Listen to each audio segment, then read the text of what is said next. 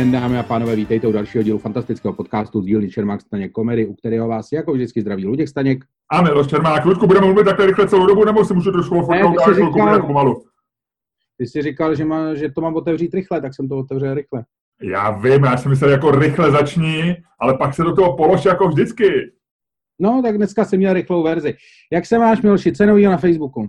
Nevím vůbec, byl jsem tam párkrát chvilku, a dal jsem včera fotku z grilování na Facebook, eh, teda na Instagram, ona šla sama na Facebook, takže vím, že tam mám, že, že mám nový lajky, ale, ale nevím, vůbec nevím, ne, nevím, co se děje. Dokonce jsem, když jsem publikoval náš minulý podcast, tak jsem lidi vyzval, ať napíšou, co si o tobě myslí, že tam nejsi, že to můžu udělat beztrestně, že se to nedozvíš, že tam nebudeš šikanovat nic a, a lidi v podstatě nereagovali.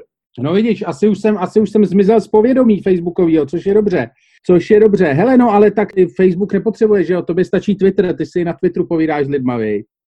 Já mám rád Twitter. Já si na Twitteru s lidma povídám a uh, navazuju tam nový nečekaný přátelství. Hele, a já vím, že ty jsi se teďko velmi zpřátelil tyjo, s uh, odcházející politickou hvězdou. Jste měli krásný vztah, vy? Teďko nevím, koho myslíš. Samozřejmě narážím na tvoji výměnu tweetu s Miroslavem Kalouskem. To mi je povědomí, toho hlopa neznám. Nevím vůbec, o kom mluvíš. Eh, Počkej, uh, musí, říct, musí říct pro lidi, kteří to neznají, musí říct kontext. Já nechci ho říkat. No. no každopádně ty si dával, ty si dával na Twitter, na Twitter anketu uh, o, o, o odchodu Miroslava Kalouska, který no. oznámil v neděli, že nebude kandidovat do sněmovny. No a skončilo to tak, že Eh, skončilo to tak, že ti Miroslav Kalousek eh, začal psát, eh, začal psát. Já jsem vlastně udělal anketu, kterou jsem ani nijak nekomentoval. Ta anketa dopadla velmi dobře v jeho prospěch. 90% lidí říkalo, že je to špatná zpráva, že chce odejít z politiky a, a nějakých 8, ne, 80% je to špatná zpráva a 90% lidí říkalo, že byl pro, nebo že je pro českou politiku spíš pozitivní. Neodvážil jsem se nic, jenom jsem věcně napsal výsledky té ankety průběžný a najednou ve čtyři koukám, jel jsem na svém kole Brompton, kde jsme se, my jsme se už potkali na skútru a na kole, jel jsem... Ano, ano.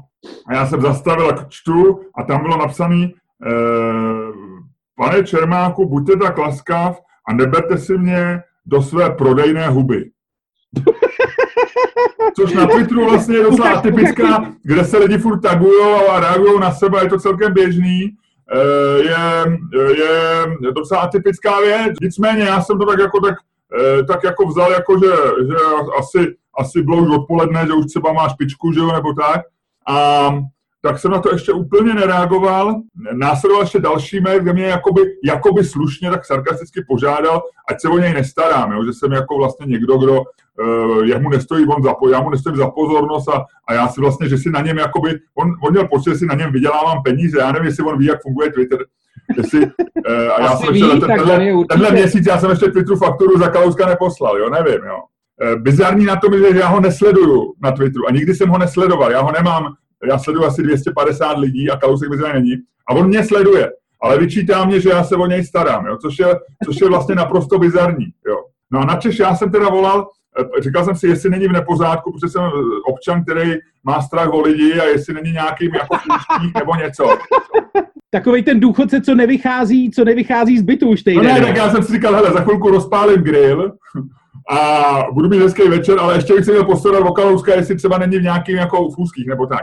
A mám telefon ze své někdejší kariéry novináře, mám telefon na jeho mluvčího uložený v mobilu, já jsem s ním nemluvil prostě možná taky 10 let, tak jsem mu zavolal a chtěl jsem se zeptat, jestli je v pořádku jeho šéf. A on s tím měl země v autě, protože převzal ten hovor a řekl mi, ať jdu do prdele. A, a, a pak mě ještě jednou zavolal z toho jeho telefonu a řekl mi, že uděláme dohodu, že, já se o něj, že když já se o něj nebudu starat, že on se nebude starat o mě. Jo.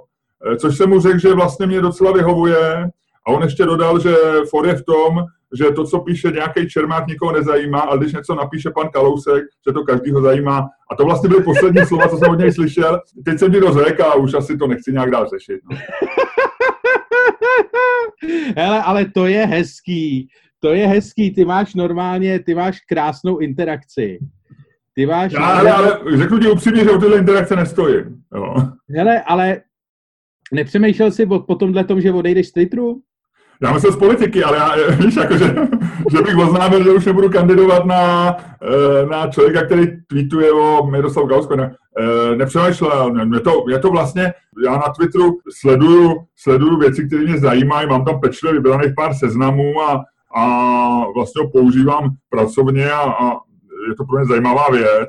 A mě tohle to vůbec, zase je to výhoda proti Facebooku, že tam nezabředáváš do nějakých že tohle byla naprostá výjimka vlastně. Měl jsi vidíš, někdy něco takového už?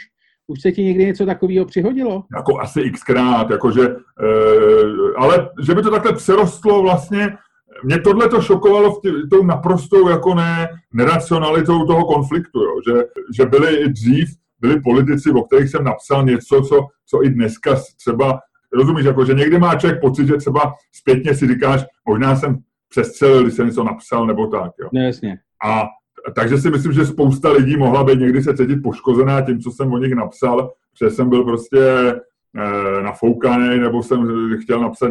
Ale tohle to bylo, tohle je tak naprosto iracionální ta reakce, že jako mě to vyrazilo dech, než by mě samozřejmě dotklo, nebo tak mě to je vlastně jako ve finále ukradený. No hele, každopádně e, byl bych jako rád, aby si tímto převzal Eh, první cenu našeho Čermák Staněk komedy podcastu v historii a to cenu Twitter týdne. Takže tímto tím... Ludku, děkuji, já jsem rád, já, já teďko, on nějak není slyšet z nějakého důvodu, ale chci říct posluchač, by si právě tleskal. Děkuju, děkuju moc. Já moc ceny nevyhrávám, takže když něco dostanu, tak si to hrozně vážím a budu to uvádět do svého životopisu. Děkuju. Twitter, Twitter týdne. Tak, tak, tak, no, tak to je hezký, to je hezký. Tuhle tu historku, tuhle tu historku já asi, člověče, tuhle tu historku já asi nepřekonám. Já jsem eh, žil teďko v eh, několik dní velmi fádní život, musím říct. Jako z mýho pohledu se na Twitteru děje úplný hovno. Já tam mám klid, já tam mám, já si tam čtu. Teď, jsem, teď ten algoritmus mi začal do, do, doručovat nějaký lidi, kteří bojují nějaký kulturní války eh, ve Velké Británii, takže já teď vím všechno o J.K. Rowlingový a jejím jejím sporu o transgender people, tam já jsem teď jako velmi kovaný, a to je tak jako všechno. Já jsem jinak úplně, úplně v klidu. Já, já až mám podezření, že se na mě nějaký, nějaká moje verze Kalouska chystá, protože takovejhle klid to nepamatuju. Ale nevypadáš úplně v pohodě, na to, že jsi v klidu, víš, jakože vypadáš trošku takový jako znervoznělej, možná ti to chybí, možná, e, kdy ty se vrátíš na Facebook, Ludku, vrátíš se ještě někdy? Ne, nebo takhle, ne, nechce se mi zatím, nechce se mi zatím. Takže myslíš, že se nevrátíš? Eh, no, zatím jsou to takový ty prázdniny, který si říkáš, ještě to, ještě si dám týden. Mhm, mhm. Ale ty jsi, to říkal, ty, ty jsi to říkal správně, já jsem, já jsem ten Totler eh, naší dvojce, já opravdu, když něco jako, já nemůžu, já, ne, já ne, neznám nic jako eh, zodpovědné pití. No, jako tobě, jestli je tobě nějaký slovo cizí, tak je to uměřenost. ano, ano, ano, ano, to je pravda. Já to slovo podle mě ani, ani neumím vyslovit. Eh, no a to je něco, co naší společnosti chybí, uměřenost, jo? jako nějaký ten, já, já už jsem někde psal jako middle ground, něco, kde prostě vlastně se budeme chovat normálně, kde, kde není, já, není ani jeden extrém. Já s tebou souhlasím, ale tohle není, tohle není pole, kde bych chtěl společnost zachraňovat. Dobře. To ať, dobře. Udělá, to ať udělá někdo jiný. To udělej ty, ty jsi takový uměřený, ty se s nikým nehádáš, pak na tebe ty vystartuje kalousek. Já jsem, hele, já jsem to, já jsem odezdí ke zdi, kámo. Já jsem náš, já jsem náš odezdí ke zdi faktor našeho podcastu. Ty jsi cool faktor u zdi. e, máš něco, co bys dneska překvapil? Uh, člověče, já jsem to měl a zapomněl jsem si to, zapomněl jsem si to. Kočka mi sežrala domácí úkol, pane učiteli. No, tak to je smutný, to je smutný. Tak řekni ty. Já jsem někde narazil na to, že ananas objevil pro Evropu Krištof Kolumbus, eh, který ho eh, dneska nemáme rádi, protože vlastně byl příčinou trpění a potupení původních obyvatel Ameriky, samozřejmě a tak dále a tak dále. Nicméně objevil provodu ananas a ananas byl luxusní plodinou. Já jsem to vůbec nevěděl. Takže to bylo něco jako, jako že byla dokonce ananasová bublina. Zahraničí se snažili ananas vypěstovat v Evropě ve sklenících a moc se to nedařilo. A dokonce ananas byl tak drahý, že si ho lidi pronajímali na večer třeba. Jo, že, že si, a že i to bylo hodně drahý. že prostě, když si chtěl oslnit hosty, tak si si... Já to měl, a to jsem musel pak vrátit celý, nebo se mohl vrátit? Nesměl to ne, nesměl to sníst. Byli lidi, co se živili, měli se pět ananasů a pronajímali v Británii šlechticům nebo lidem, bohatým lidem, měšťanům, co chtěli oslnit svý hosty, tak jim pronajali na večer za docela velký peníze ananas. No. Tak to, jsem, to se mi líbí a vždycky, když jedu v Lidlu kolem ananasu, který stojí 39 korun, tak si říkám, mám ho koupit, nemám ho koupit. A teď se ve větším pokušení než jindy. Ananas je takový to jídlo, který si člověk koupí, protože na ně má chuť, ale pak mu většinou schyně, protože se nedostaneš k tomu ho nějak voloupat a o to a... Hele, ale to je dobrý. Kolikrát si mohl pronajmout takový ananas? Já si myslím, že hodně často, že opravdu, že on třeba celou zimu vydržel. Že když ho koupili neúplně zralej, on taky na ně nepoznáš a že ti vydržel celou zimu. Mně právě bylo blbý, když, vem si, kdyby to třeba sežral pes, jo, nebo kdyby ho někdo nějaký z těch hostů sežral, se ožral, jo. Údajně měl ne, jako ananas nedozírnou cenu, že třeba byla, byla doba, kdy v celé Anglii, a to možná i v celé Evropě tím pádem, bylo třeba 10 ananasů. Hele, ale to je dobrý, že bych přišel k Větnamcovi a řekl si, jak já se opučím, máte to... Šefiku, za 8 hodin to máte zpátky. Jsem by koukal, ty No, a proč ne? No. Prosím tě, já jsem měl, já mám absolutně výborný, výborný uh, fakt, který se mi líbí strašně kvůli názvu a je to v podstatě jako úplná, úplná pičovina, ale v Americe existuje mix uh, krávy a bizona, který se jmenuje Beefalo. Tvrdí se, že má velice jako chutný maso a koupíš ho, je to poměrně rozšířený. Já jsem byl strašně překvapený, že jsem to nevěděl, protože je rozšířený uh, údajně v 21 amerických státech ho můžeš koupit a je to poměrně jako věc, která je vyhledávaná minimálně gurmánama, ale jako přijde mi to strašně vtipný. Beef. Dá se to koupit v Česku někde, že já bych na grilování, že bych, že bych eh, jednou večer ogriloval prostě bifala. Čiže to jsem neskoušel. Jako ne celýho, ale že bych stejky z toho, že samozřejmě. Když už jsi mluvil o těch ananasech, tak jsem, eh, já jsem si nedávno, jsem někde čet, jak vznikly první pomeranče. A pomeranče, první pomeranče, které byly pěstované v jeho východní Asii, tak byly pomeranče, které byly, nebyly to pomeranče, ale byl to mix pomela a něčeho, co se v angličtině jmenuje tangerine. Co je tangerine? Mandarinka. Mandarinka, no. Takže, Takže mandarinka, vlastně, já když jsem byl dítě, tak jsem si vždycky myslel, že mandarinka je takový lepší, víc vychytaný pomeranč, jo? že vlastně mandarinka vznikla s tím, že jsme se snažili udělat pomeranč, aby líp, líp chutnal, že jo? Protože mandarinka je jakoby lepší, ne? nebo měl jsem ji radši jako dítě, byl takový na, na, na, na, na Mikuláše vždycky, taková vůně mandarinky na Mikuláše, že jo? A můžeš si možná si ji taky můžeš pronajmout, že by si udělal, že by si ji pronajmul, tyjo, to by bylo hustý. Kdyby si měl, že by si si pronajmul třeba 20 o, ty jo, to je blbost, a pak by se tam musel vrátit. Proč si někdo pronajímá, mě to furt vrtá hlavu, proč si někdo pronajme ananas, ty vole? Nevím, ale dělo se tak a...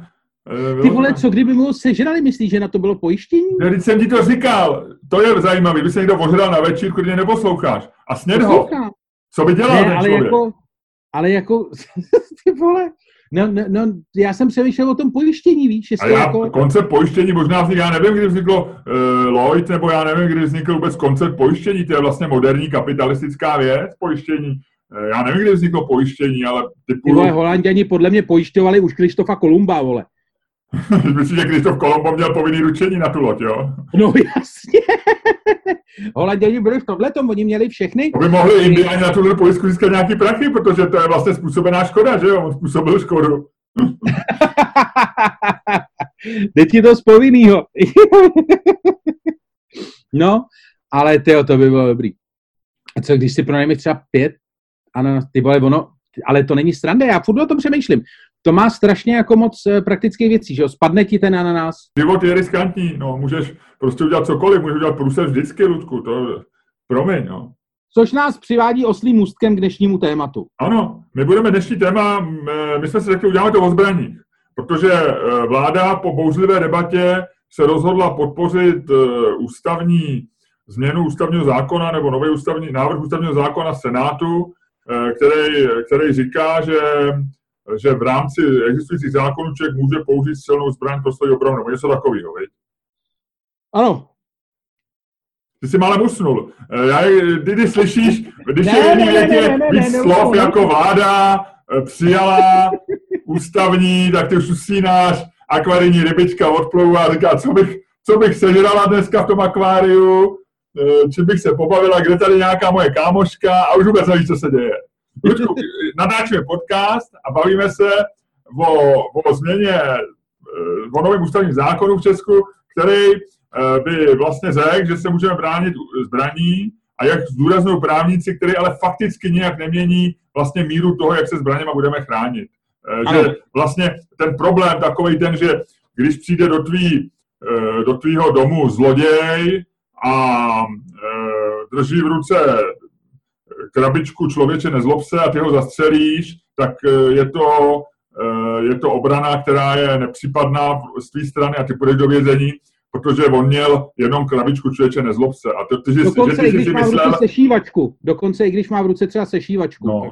Dokonce i měl nůž, protože ty, ty, ty ho musíš prostě, ty musíš říct, ty se musíš zeptat zloděje, jak jste dnes ozbrojen? A on řekne, mám nůž. A, a ty řekneš, jak má dlouhou čepel? A on řekne, asi 20 centiáků. Tak ty jdeš do kuchyně, vybereš nůž odpovídající délky a uh, uděláte prostě rovnej zápas, uh, on tě zřejmě zapíchne, ale uh, po právní stránce ty si postupoval správně.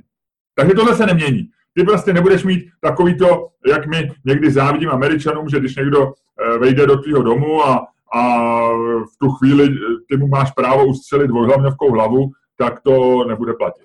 Já počkej, my někdy závidíme Američanům, já jim to teda úplně nezávidím. Ludku, objevuje se to v komentářích, že je to takový to právo, že že bránit svůj majetek, eh, že na to máš prostě právo a že vůbec by si nemáš myslet na to, jestli máš přizpůsobit míru své obrany e, vážnosti toho útoku, protože prostě seš na svým, se na svým baráku a jako když tam někdo přijde a leze ti do domu, tak je v zásadě celkem jedno, jestli, jestli se s tebou boxovat nebo tě zastřelit a ty máš právo se bránit tím způsobem, a aby se cítil komfortně. Ano, Takhle... tomu se říká, ve fotbale se tomu říká, že máš výhodu domácího prostředí. Takže ty bys měl mít ještě jako, ty, ty bys měl ještě, měl by, byl by nový zákon, který stanoví, že ve svém domě, který dobře znáš a můžeš využít tí znalosti, by si měl ještě být volevlníč. Takže když on bude mít pistoli, ty máš povolený nůž. Když on bude mít nůž, ty můžeš boxovat. Když to bude boxer, tak ty řekneš, sorry, tohle jsem prohrál, dej mi pěstí, vem si, co potřebuješ a odejdi.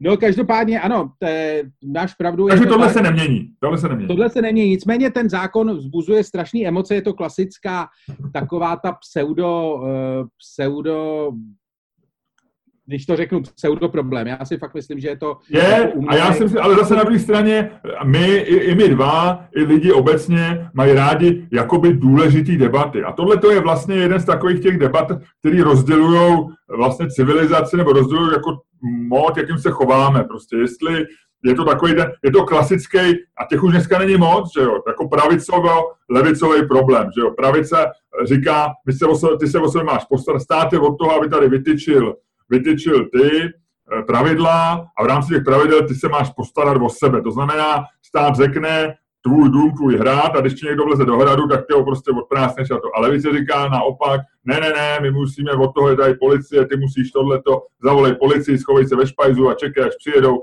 A oba, oba ty, eh, kouzlo tady ty debaty je v tom, že oba, obě ty stanoviska jsou legitimní, obě mají svý plusy a mínusy a může vzniknout hezká debata. A proto uh, myslím si, že ho spoustu lidí jako záminku, jak říkáš, je to zbytečná debata, protože ona de facto v Česku nic nemění. Nicméně ta debata se pak postavuje. A proto my o tom děláme podcast.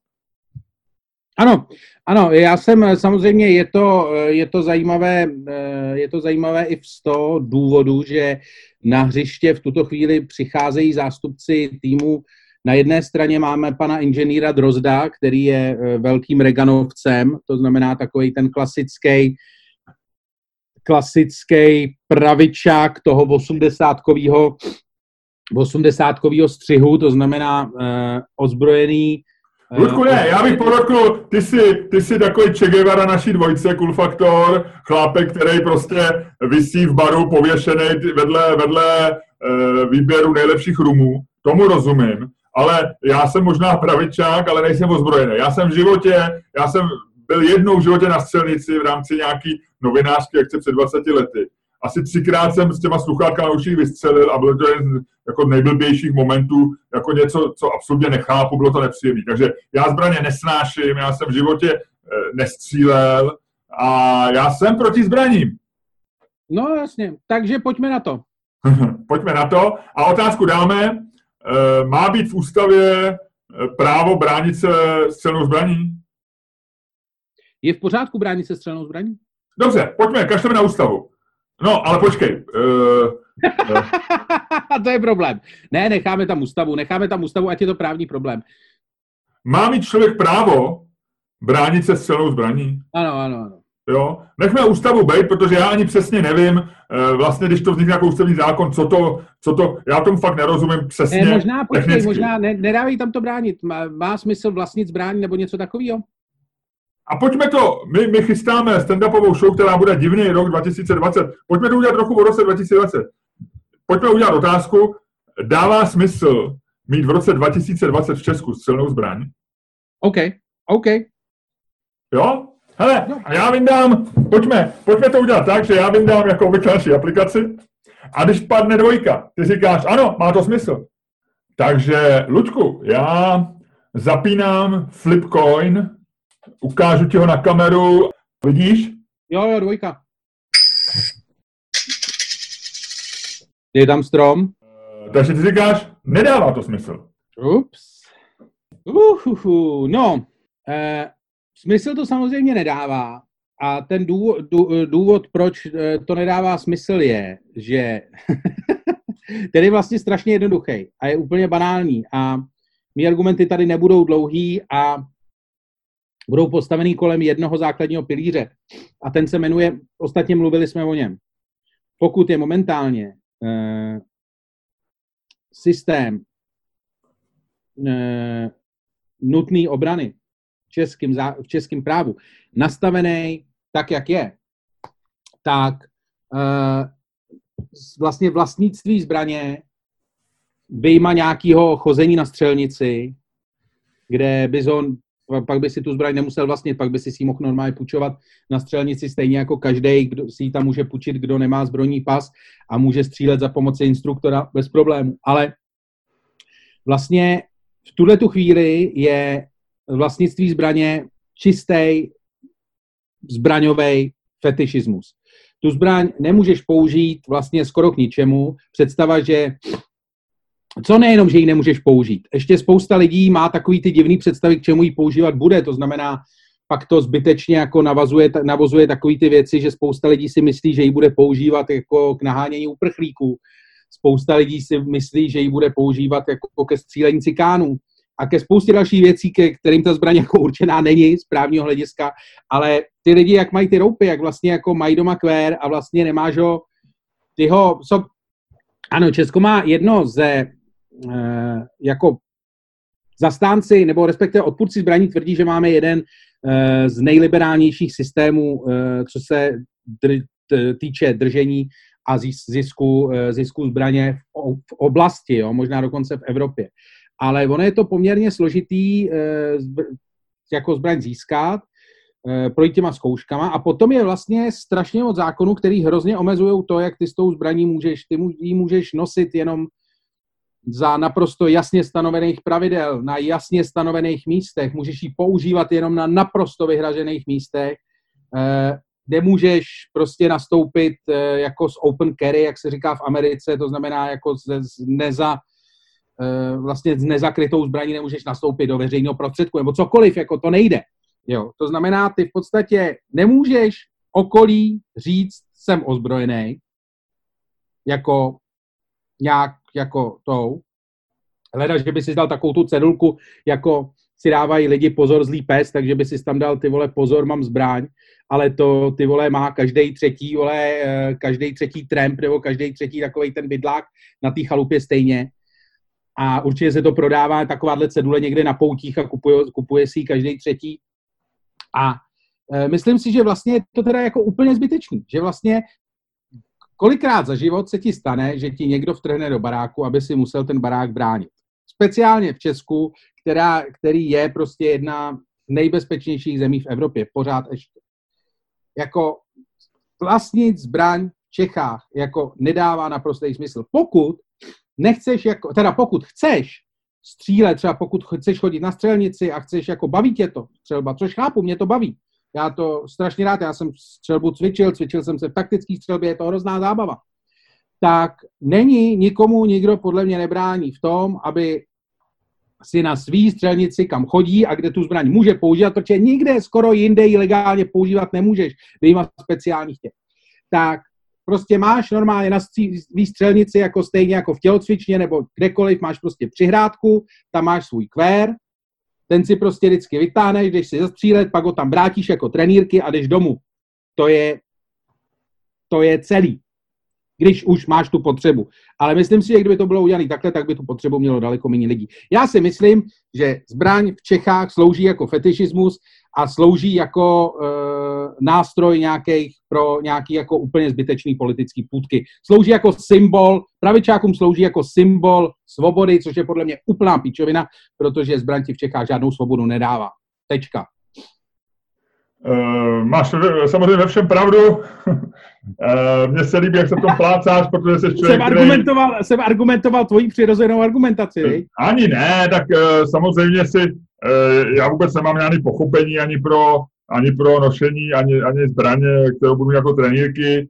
Nicméně obecně, a tady musím použít svého pravicového fištrona, si myslím, že, že zbraně jsou, a, a já souhlasím s tím, že je fajn že jsme nějakou osmou nejbezpečnější zemí na světě podle té poslední tabulky a že vlastně ta pravděpodobnost, že ti tady někdo ustřelí hlavu, je docela nízká. Jo. A je to, a je to vlastně asi, asi je to docela příjemný a bylo by pro mě lepší si vylosovat to druhý a hájit to, co si hájil ty. Asi bych to hájil trochu jinak a e, jiným způsobem, ale, ale, ale v zásadě jsem s tebou souhlasil. Na druhou stranu, eh, jak říkám, zbraň dává, zbraně něco, co dává takový jakoby trošku absolutnější rozměr životu, která mu která dává něco jako a, a vlastně já souhlasím i s tebou a ten velký argument je, a tam se mi blbě argumentuje, že prostě český zákony ti neumožňují se tou zbraní nějak řádně bránit a, a zbraně ne, výrazně nezlepší tvý šance eh, na to se být bezpečnější. Myslím si, že, že paradoxně naprosto jednoznačně platí, že za současného právního řádu a v evropském kontextu se cí, musíme cítit bezpečně, když tady bude zbraní co nejmí, tak jak to je teď. To znamená, kdyby si teď lidi začali, tím se vlastně potvrdil tvoje vítězství a, a nemůžu se v tom nějak dál moc plácat. Na druhé straně, když tomu trošičku filozoficky, tak zbraně dávají určitou, prostě jako dávají do té společnosti nějaký jakoby řád pomyslný aspoň, jo já vždycky říkám příklad, který si myslím je úplně zjevný. A Amerika je zajímavá v tom, že ona nabízí oba ty pohledy, že jo? Jako v New Yorku, je, který je relativně bezpečný dneska, eh, a v těch státech, kde eh, na, na východním pobřeží, kde, kde, kde taky nemůžeš mít jako eh, zbraň s ní volně chodit a je víc regulovaný jejich prodej a tak dále, nemůže, nestačí ti řidičák, tak jako někde v Kansasu, kde přijdeš prostě do obchodu a koupíš si, co potřebuješ. Ale prostě v těch jižních státech, když jedeš autem, tak jsou lidi strašně zdvořilí, nikdo na tebe nezatroubí, všichni tě se, se pouštějí, že by tam vznikla hádka o parkovací místo, to neexistuje. Protože, proto, protože ty nevíš, jestli ten frajer prostě nemá v zadním kufru e, dvouhlavňovku a neustřelí palici, prostě když na ně zatroubíš, jo. Když to v New Yorku se všichni hádají o parkovací místa, ječej na sobě trouběj, jo. Prostě jako to vlastnictví zbraně dává tomu jako určitou váhu nějakým těm pravidlům, který, a já neříkám, že to správně nebo, nebo není správně. Už několikrát se v našem podcastu stalo to, že jsi si vylosoval to, co jsi nechtěl a úplně um, si schořel. Úplně si schořel. Já, nechte, já docela rád argumentuju jakoby pro, pro něco, s čím nesouhlasím. Ono je to docela zábava, ale tady je to jako vlastně těžký. No. E, jakoby z jedné strany máš ten argument toho, že e, jak ty říkáš, co s tou zbraní vlastně budu dělat, ty, ty aby si se s ní e, dobře choval, tak, tak ty buď to si necháš nějaký úskovně, anebo by ji prostě doma zamkneš do trezoru a na nejvíc si můžeš jako odemknout, když jako nejsou děti okolo, nikdo není okolo a bude se ani dívat, jako co s ní, anebo s ní chodíš na střelnici, ale to je, to je prostě podobně dementní, jako běhat na běžícím pásu, že? Jako eh, dá ti to ty endorfíny, je to ten pohyb, je to fajn, ale není to asi proto, proč lidi běhají, že? Je to, je to taková náhrada. Ne, víš, proč lidi běhají? Víš, proč lidi běhají? Já ti řeknu, proč lidi běhají. Lidi běhají proto, aby až dojde na průster, vole, aby stihli utíct a ze stejného důvodu ty chodíš na tu střelnici, nebo já chodím na tu střelnici, nebo já jsem chodil na tu střelnici, dokud jsem kurva ještě měl zbrojní průkaz. Protože přesně z tohohle toho důvodu to děláš. Stejně jako běháš proto, aby si byl vole v dobrý fyzické kondici, kdyby se náhodou cokoliv stalo. No a to je, není pravda. To není pravda. Já no neběhám je... proto, já neběhám proto, abych utek, abych byl v dobrý kondici. Já běhám proto, že mě to baví a že si tím vyrobíš endorfiny a že se mi přitom dobře přemýšlí a že se cítím dobře. Já vůbec neběhám, já vůbec neběhám kvůli, kvůli dobrý kondici. Já nepotřebuji být v dobrý kondici. No tak to samý, tak to samý ale platí i pro tu střelnici. Ano, já taky chodím na střelnici, protože mi to dělá dobře, protože mi to vyplavuje endorfiny a protože mě to baví. Nazdar. To je jako neto. No ale, ale vůbec tam, a ty, ty, ty, ty, ty, popíráš, co jsi před minutou. Ty jsi říkal, že, že jsi si pořídil zbraň, aby až tady bude průser, aby si mohl jako se zbránit. A já ti říkám, že ta motivace uběhání taková není. Ani ve, ani ve vtipu. No je, spousta Není, není, já nepotřebuji, já jsem, já jsem v životě běhání nepoužil k útěku a ani mi to nenapadlo. Jako, jako e, vždycky, když budeš utíkat, tak sedneš do auta nebo do vrtulníku, nebo já nevím, ale neutečeš. A když nemáš, aha, aha, a když nemáš vrtulník, tak co? Ha? Ha? Uděláš co? Když nemáš vrtulník? Tak řeknu, sorry, nemám vrtulník, vemte si mě, no. Ale asi no, vždycky budu no, utíkat. Tak ano, ano, jestli, jestliže jsi člověk, který říká, vemte si mě, tak pro takovýhle lidi je škoda zbraní. No já ti to říkám. Tak, já ti to říkám. Lidi, to pro mě je škoda běhání v tom případě. Dát zbraň tobě je jako rovnou ozbrojit nepřítele. To ty je zblblej, prostě... ty, jsi, ty jsi zblblej slavným filmem Maratonec, Dustin Hoffman na konci toho filmu samozřejmě jako využije ten svůj trénink a, a utíká, že jo, a běží dlouho a tak se to nějak vyřeší. Ale v normálním životě to tak není. No nic, hele, končíme. Já si musím, eh, já si musím zavolat doktorce, aby mi dala potvrzení. Já mám prášky, víš, už já myslím taky, že potřebuješ, no. Ne, potvrzení o zdravotním stavu, abych si mohl znova začít zařídit zbrojní průkaz. Takhle, kdyby paní doktorka opravdu chtěla nějaké informace o tom zdravotním stavu, a teď myslím ten duševní, ať mě zavolá, prosím tě. Budu teď na svém telefonu, nechám to zapnutý, půl hodinky budu čekat na její zavolání. Já jí dám pár informací, Víš, ať, ať ví přesně, co se děje. Ale já vím, že od tebe žádnou přátelskou uh, pomoc čekat nemůžu. Naopak, ty mě vždycky, vole, rád potopíš, vole, takže rozhodně žádný tvoje číslo dávat nebudu. Ludku, já bych ti pomohl. Já bych řekl, uh, samozřejmě není ve stavu, kdyby měl dostat zpátky svoji zbraň, svůj, svůj uh, zbrojní průkaz, to není, ale jinak je to normálně funkční, uh, funkční člověk. Je to člověk, který je schopen normálně žít, natáčet podcasty, uh, dělat stand-up show, připravovat uh, podzimní turné pod názvem Divný rok. Ano, chystá se podzimní turné pod názvem Divný rok, což je naše reklamní vsuvka. A víc, víc řekneme příště. Víc řekneme příště, ano, ano, ano, ale už se to chystá, už to začíná nabírat normálně obrysy. Už to není, už to není jenom taková ta věc v říšku, už je to, už je to vidět, ne, už to, dokonce i na tom ultrazvuku už to má normálně parametry, ručičky, nožičky, všechno. Začíná A Ludku, bude to kluk nebo holka? Tyhle, těžko říct. Budou to oni, viď? Oni. Hele, dnes... Ať si to naše show vybere. Dneska je to přesně gender fluid. To je... Budeme ji vychovávat, hele, jako, jako oni a až bude dostatečně chytrá, tak ona si vybere. Přesně. Přesně. A s tímto s tímto se s vámi, dámy a pánové, loučíme od dnešního podcastu. Loučí se s vámi Luděk Staněk a Miloš Čermák. Ludku, vystřel do vzduchu na závěr zbraní, kterou si zatajil policii a kterou máš vedle svého počítače. Děkuju a měj se hezky. Ahoj. Čau.